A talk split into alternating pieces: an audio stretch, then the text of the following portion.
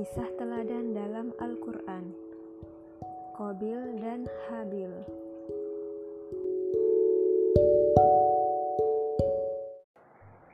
Kelalaian Nabi Adam dan Ibunda Hawa Adam bermaksiat kepada Allah Ta'ala dengan memakan buah dari pohon yang telah Allah haramkan untuknya di surga. Ibunda Hawa juga turut memakan buah terlarang itu. Sebagai hukuman atas pelanggarannya, mereka diturunkan ke muka bumi. Iblis tertawa gembira karena telah berhasil menggoda mereka berdua untuk melanggar larangan Allah Ta'ala. Ia pun akhirnya juga diusir dari surga. Akhirnya mereka bertiga sama-sama diturunkan ke dunia. Adam dan Hawa menyesali perbuatannya yang melanggar larangan Allah. Lain halnya dengan iblis, ia malah senang karena telah berhasil menyesatkan Adam dan Hawa.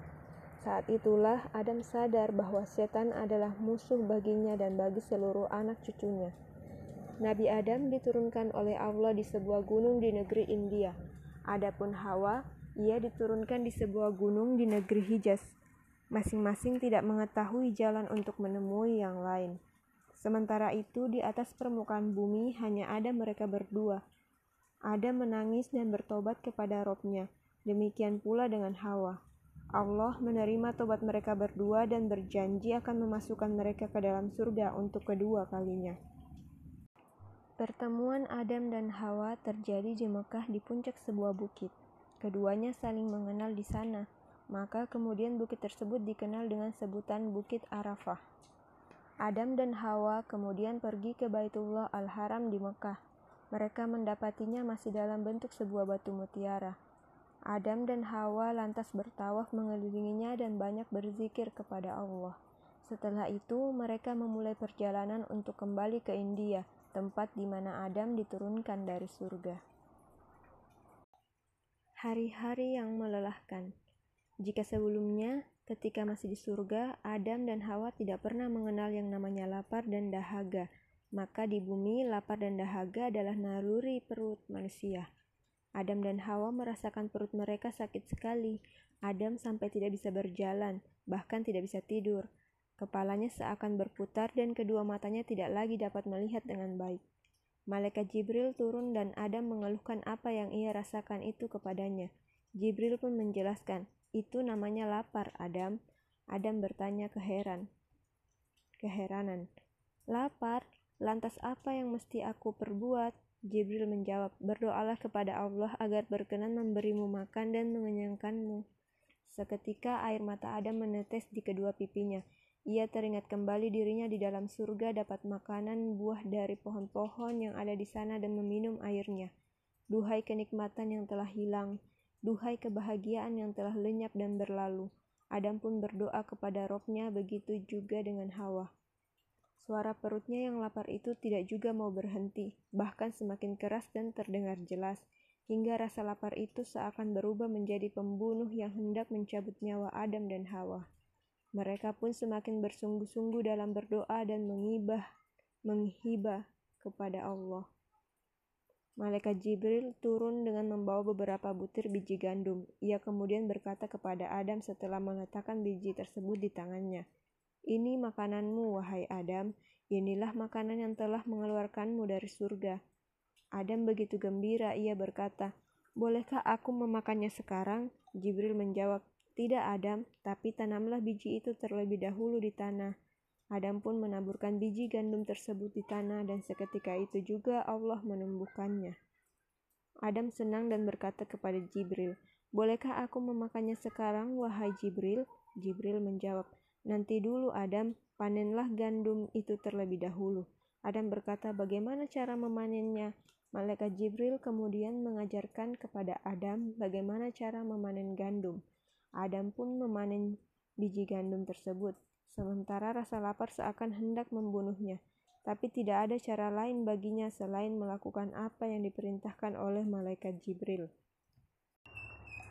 Adam melihat Hawa yang menangis menahan rasa lapar, maka ia pun semakin keras dalam bekerja sehingga berhasil menyelesaikan pekerjaannya memanen gandum tersebut. Ia kemudian memuji Robnya lalu berkata kepada Jibril, sekarang aku dan Hawa sudah boleh memakannya kan? Jibril menjawab, belum, kupaslah kulit gandum itu terlebih dahulu. Adam kembali bertanya, "Bagaimana cara mengupasnya?" Malaikat Jibril kemudian mengajarkan kepadanya cara mengupas biji gandum. Adam pun melakukannya dengan cepat. Ia mengira bahwa waktu makan sudah tiba begitu ia selesai mengupasnya. Akan tetapi Jibril buru-buru mengatakan, "Sekarang pisahkan antara biji yang dapat dimakan dan yang tidak." Adam berkata, "Bagaimana?" Jibril pun mengajarkan caranya kepadanya. Adam lalu mulai memisahkan dan memilih biji gandum tersebut, sementara butir-butir keringat menetes dari dahinya turun ke hidung, mulut, dan kedua pipinya, serta perutnya yang lapar ia rasakan semakin ganas menggigit. Begitu selesai, Adam langsung menjulurkan tangannya hendak memakannya, akan tetapi Jibril lagi-lagi mengatakan, Tumbuklah dulu, Adam. Adam yang merasa sudah sangat lapar berkata dengan suara tercekik, Ditumbuk dengan apa? Jibril pun mengambil dua batu dan meletakkan salah satunya di atas yang lain seraya mengatakan, dengan dua batu penggilingan ini, Adam pun mulai menggiling biji-biji gandum dengan dua batu tersebut. Nafas Adam mulai tersengal-sengal saat menggiling gandum itu, sementara yang ada di pikirannya hanyalah mencari makan untuk dirinya sendiri dan juga istrinya. Akhirnya, proses penggilingan pun selesai. Adam mengulurkan tangannya untuk memakannya, tapi Jibril kembali berkata, "Buatlah adonan terlebih dahulu." Adam kini sudah benar-benar bosan dan capek. Sementara rasa sedih tidak pernah hilang dari dirinya setiap kali teringat surga Firdaus tempat ia diusir darinya. Ia seakan mengatakan, "Duhai, sekiranya aku tidak bermaksiat kepada Robku dan tidak makan buah yang dilarangnya, Malaikat Jibril mengajari Adam bagaimana membuat adonan, maka Adam pun membuat adonan setelah gandum tersebut menjadi tepung. Adam membuat adonan sambil memandang ke arah Jibril. Jibril pun berkata kepadanya, "Setelah kau buat adonan itu, buatlah roti agar dapat kamu makan." Adam berkata, "Bagaimana caranya?" Jibril menjawab, "Nyalakan api." Adam berkata, "Dari mana aku dapat menyalakan api, wahai Jibril?" Jibril menjawab, Kumpulkan dahan dan ranting pohon yang kering. Adam pun melakukan dan membawanya ke hadapan Jibril. Lalu malaikat Jibril mengambil dua batu kemudian memukulkan keduanya hingga memercikkan bunga api hingga membakar dahan dan ranting kering tersebut. Ketika Adam meletakkan adonan yang hendak dibuat roti di atas api tersebut, tiba-tiba ia terkena sengatan api hingga merasakan kesakitan dan berteriak mengadu. Jibril pun berkata, Adam, kau telah bermaksiat kepada Allah, karenanya api itu menyengatmu. Adonan sudah menjadi roti. Adam kemudian membawanya. Sementara butir-butir keringatnya yang menetes hampir saja dapat memadamkan api karena begitu derasnya.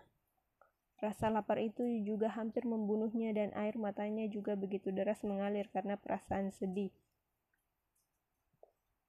Proses pembuatan roti itu kini sudah selesai. Jibril berkata kepada Adam, "Sekarang, sekarang makanlah wahai Adam." Adam lantas membawa roti itu ke Hawa dan keduanya pun makan. Setelah keduanya makan, rasa lapar pun lenyap. Ketika rasa lapar itu sudah hilang, keduanya kembali teringat makanan surga yang begitu membangkitkan selera makan. Keduanya juga teringat kembali peringatan Allah untuk tidak memakan buah dari pohon itu. Keduanya teringat detik-detik terakhir mereka diusir dari surga. Keduanya pun menangis. Tangisan keduanya semakin menjadi. Hari-hari nan bahagia dan penuh kesenangan di surga itu kini telah berakhir dan berganti dengan hari-hari penuh derita di dunia. Keduanya tidak mungkin kembali lagi ke surga kecuali setelah meninggal dunia. Sungguh, waktu yang sangat panjang. Betapa keras kehidupan dunia bila dibandingkan dengan kehidupan di surga. Begitulah kiranya kondisi Adam dan Hawa. Keduanya beraktivitas di alam yang sepi lagi luas ini, berjuang keras tanpa ada orang lain yang membantu dan menolong. Allah kemudian menurunkan ajaran dan syariat kepada Adam. Kehamilan pertama di muka bumi. Pada waktu itu, Adam bertanya-tanya, "Aku dan Hawa hanya hidup berdua dan tidak ada orang lain bersama kita." Lantas, untuk siapa syariat dan ajaran itu ditujukan? Adam teringat bahwa Allah pernah berjanji kepadanya akan menjadikan anak cucunya memenuhi bumi. Untuk itu, ia menunggu-nunggu kapan ia diberi keturunan. Hawa kemudian hamil dan betapa senang hati Adam karena ia akan menjadi seorang ayah. Sementara Hawa mengalami kesakitan seperti yang dialami wanita hamil pada umumnya. Akhirnya, saat-saat yang ditunggu itu pun tiba. Hawa melahirkan anak yang dikandungnya. Allah mengaruniakannya anak kembar laki-laki dan perempuan. Adam menatap lekat kedua anaknya. Ia kemudian menamai yang laki-laki dengan nama Kobil dan perempuan dengan nama Iklimia. Ia adalah seorang anak perempuan yang cantik dan mempesona. Siapa pun yang memandang wajahnya tidak akan pernah merasa bosan melihat kecantikannya. Beberapa bulan kemudian, Hawa mengandung lagi. Berkali-kali ia kembali merasakan sakitnya mengandung sampai datang waktu melahirkan. Anak yang ia lahirkan lagi-lagi kembar, laki-laki dan perempuan. Yang laki-laki dinamai Habil dan yang perempuan Labuda. Keempat anak tersebut kemudian tumbuh bersama-sama dalam bimbingan Adam dan asuhan ibunda yang begitu penyayang. Iklimia lebih cantik dan lebih aktif daripada Labuda.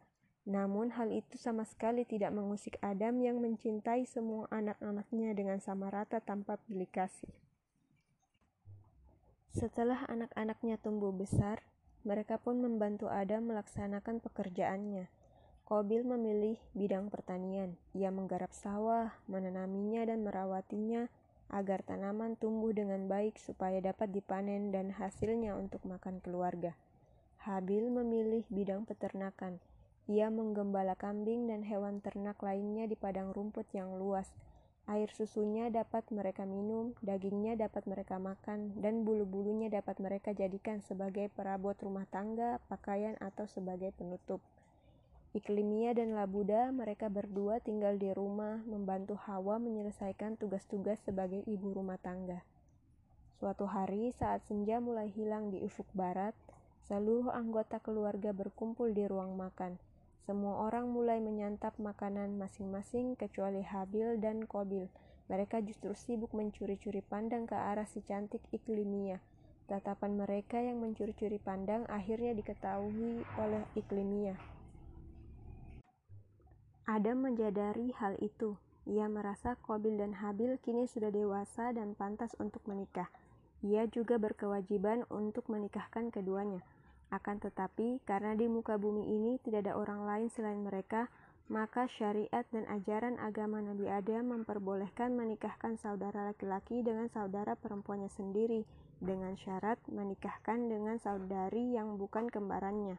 Dengan begitu berarti Kobil menikah dengan Labuda, saudari kembar Habil, sedangkan Habil menikah dengan si cantik Iklimia, saudari kembar Kobil. Adam kemudian berkata kepada mereka, Kobil, menikahlah kamu dengan Labuda, dan Habil, menikahlah kamu dengan Iklimia. Semua yang hadir saat itu pun bersuka cita, kecuali Kobil yang berteriak marah. Tidak, Habil tidak akan menikah dengan Iklimia. Iklimia itu punyaku dan aku lebih berhak menikahinya daripada Habil. Adam lalu menenangkan putranya yang marah. Ia berkata, Kobil, sesungguhnya Allah telah mengharamkan Iklimia atas kamu. Iklimia hanya boleh dinikahi oleh Habil. Untuk itu, taatilah perintahnya. Kobil berkata, Tidak, aku hanya akan menuruti diriku sendiri. Iklimia buat Kobil, bukan buat Habil. Kobil harus menikah dengan Labuda. Itulah yang membuat Kobil merasakan ada api berkobar dalam dada dan hatinya. Kobil keluar rumah dengan memendam amarah yang menyisakan dada. Ia berjalan dengan kepala tertunduk. Langkahnya gontai tak tentu arah. Ia tidak tahu hendak pergi ke mana. Dalam pikirannya hanya ada iklimia, iklimia, dan iklimia. Setan melihat Kobil sebagai sasaran empuk. Ia menggodanya dan menyusup ke dalam relung hatinya seraya berbisik. Habil, Adam lebih mencintai dia daripada kamu. Ayahmu akan menikahkan Habil dengan si cantik Iklimia dan menyisakan untukmu si jelek Labuda. Setan menambahi api permusuhan dan mengobarkannya. Ia kembali membisik Kobil. Habil, pengembala yang tidak perlu susah payah untuk menyelesaikan pekerjaannya, berhasil mendapatkan iklimia. Padahal kamu, wahai Kobil, seorang petani yang harus bangun pagi-pagi untuk merawat tanah, membajaknya, memanen tanamannya, mengupas dan memilihnya. Setelah semua yang telah kamu lakukan, kamu hanya dinikahkan dengan labuda si jelek. Ini benar-benar tidak adil. Kobil lupa bahwa semua pekerjaan pasti melelahkan. Pengembala kambing juga lelah mengembalakan kambingnya, sebab dialah yang harus menjaganya dari ancaman serigala, mengobati bila ada yang sakit, memberi makan dan minum serta memeliharanya. Akan tetapi, bisikan nafsu sudah sedemikian kuat menguasai Kobil. Ia bahkan bersumpah, apa pun yang terjadi, iklimnya harus menjadi miliknya. Kobil kembali ke rumah dan mendapati kedua orang tuanya terjaga dengan wajah yang dipenuhi roman kesedihan. Adam berkata, Hai Kobil, persembahkan kurban atau apa pun dari hasil tanamanmu untuk Allah Ta'ala. Habil juga akan mempersembahkan hewan kurban dari kambing yang ia gembalakan. Siapa pun yang diterima persembahannya, ia yang berhak menjadi suami iklimia. Adapun tanda-tanda Allah menerima kurban seseorang ialah kurban tersebut dilahap oleh api berwarna putih yang turun dari langit. Namun bila kurban tersebut tidak diterima, maka tandanya kurban tersebut masih tetap utuh hingga akhirnya membusuk. Tidak ada seorang pun manusia, hewan, ataupun burung yang mendekatinya. Habil pergi ke kandang ternaknya. Ia memilih kambing yang paling gemuk, paling bagus, dan paling kuat untuk ia persembahkan kepada Allah Azza wa Jalla. Itulah semua sebagai bukti kecintaannya kepada Allah. Barang siapa yang mencintai Allah, pasti ia akan mempersembahkan yang terbaik dari apa yang ia miliki. Dan itu sudah dilakukan Habil. Lain halnya dengan Kobil yang hanya mencintai diri sendiri. Ia pergi ke ladangnya lalu memilih biji-bijian dan hasil panennya yang paling jelek untuk ia persembahkan kepada robnya. Ia hanya mencintai diri sendiri maka tidak mungkin ia memberikan kepada yang lain selain harta yang paling jelek yang dimilikinya. Waktu pun terus berlalu. Habil yakin kurbannya pasti diterima oleh Allah, sementara Qabil ia hanya bisa menghibur diri sendiri dengan berdusta bahwa dialah yang bakal keluar sebagai pemenangnya. Api berwarna putih turun menukik dari langit bagaikan tombak yang mengetahui dengan pasti sasarannya. Api itu dengan cepat menyambar kurban Habil.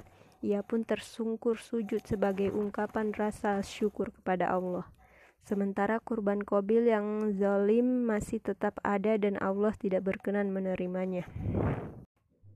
Setan pun segera mendatangi Kobil dari arah depan, belakang, kanan, kiri, dan dari hadapannya. Ia berteriak, Iklimia sudah terlepas dari tanganmu.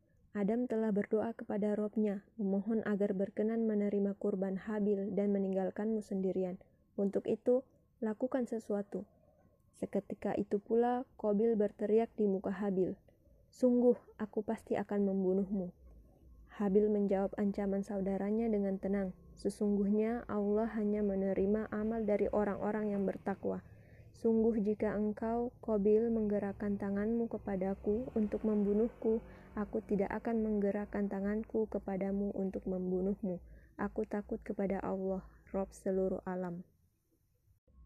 Pikiran-pikiran jahat masuk ke kepala Kobil seperti gelombang nan tinggi di tengah laut yang gelap gulita. Sudah tidak ada cara lagi karena Habil akan segera menikahi Iklimia. Malam terus berlalu dan pagi pun menjelang. Sementara Kobil tetap pada pendiriannya. Sungguh aku pasti membunuhmu, wahai Habil. Habil keluar menggembalakan kambing seperti biasanya, sementara dari kejauhan dua mata Kobil terus mengawasi. Ketika Habil larut dalam pekerjaannya, Kobil tiba-tiba datang dari arah belakang dengan membawa sebongkah batu besar. Kobil memukulkan batu besar itu ke kepala Habil hingga darahnya mengucur deras dan ia pun mati seketika. Setan menyembul keluar sambil tertawa. Sungguh setan telah berhasil memulai babak baru dalam peperangannya melawan Adam. Pertama, setan berhasil mengeluarkan Adam dari surga, dan sekarang setan berhasil menyaksikan anak Adam membunuh saudaranya sendiri. Kobil terpaku di depan jasad saudaranya Habil yang telah mati, tanpa tahu apa yang mesti ia perbuat. Ia kemudian memanggul jasad saudaranya, ia terus saja berjalan sambil membawanya dan tidak tahu apa yang harus ia lakukan. Tatkala ia merasa letih, tiba-tiba saja ia melihat dua ekor burung gagak yang sedang bertarung hingga salah satu dari keduanya membunuh lawannya. Tak lama, gagak yang berhasil membunuh lawannya itu menggali tanah lalu menguburkan mayat gagak yang terbunuh ke dalamnya. Seketika Kobil sadar bahwa Allah telah mengirimkan dua burung gagak tersebut kepadanya untuk mengajarinya. Ia pun menangis sambil berkata, Oh, celaka aku. Mengapa aku tidak mampu berbuat seperti burung gagak ini sehingga aku dapat menguburkan mayat saudaraku ini? Kobil pun bergegas menggali tanah dan meletakkan mayat saudaranya di sana. Kuburan itu merupakan kuburan pertama yang ada di muka bumi. Kuburan untuk orang yang pertama kali menjadi korban pembunuhan dan digali oleh orang pertama yang melakukan pembunuhan. Sungguh Kobil telah membunuh seperenam penduduk bumi pada waktu itu. Adam menyaksikan anaknya Kobil membawa lari iklimia. Adam pun menyumpahi, Pergilah dan semoga murka Allah menimpamu. Kemarahanku aku tujukan kepadamu dan kepada orang-orang yang melakukan kejahatan seperti yang kamu lakukan. Dan benarlah, sungguh balasan itu selalu sesuai dengan dosa yang diperbuat. Kobil pada akhirnya juga dibunuh oleh salah seorang dari anaknya sendiri. Dan selanjutnya, setiap ada tindakan pembunuhan, maka dosa pembunuhnya juga ditimpakan kepada Kobil, sebab dialah orang yang pertama kali melakukan pembunuhan di muka bumi ini.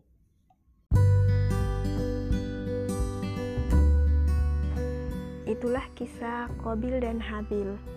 Terima kasih sudah mendengarkan. thank you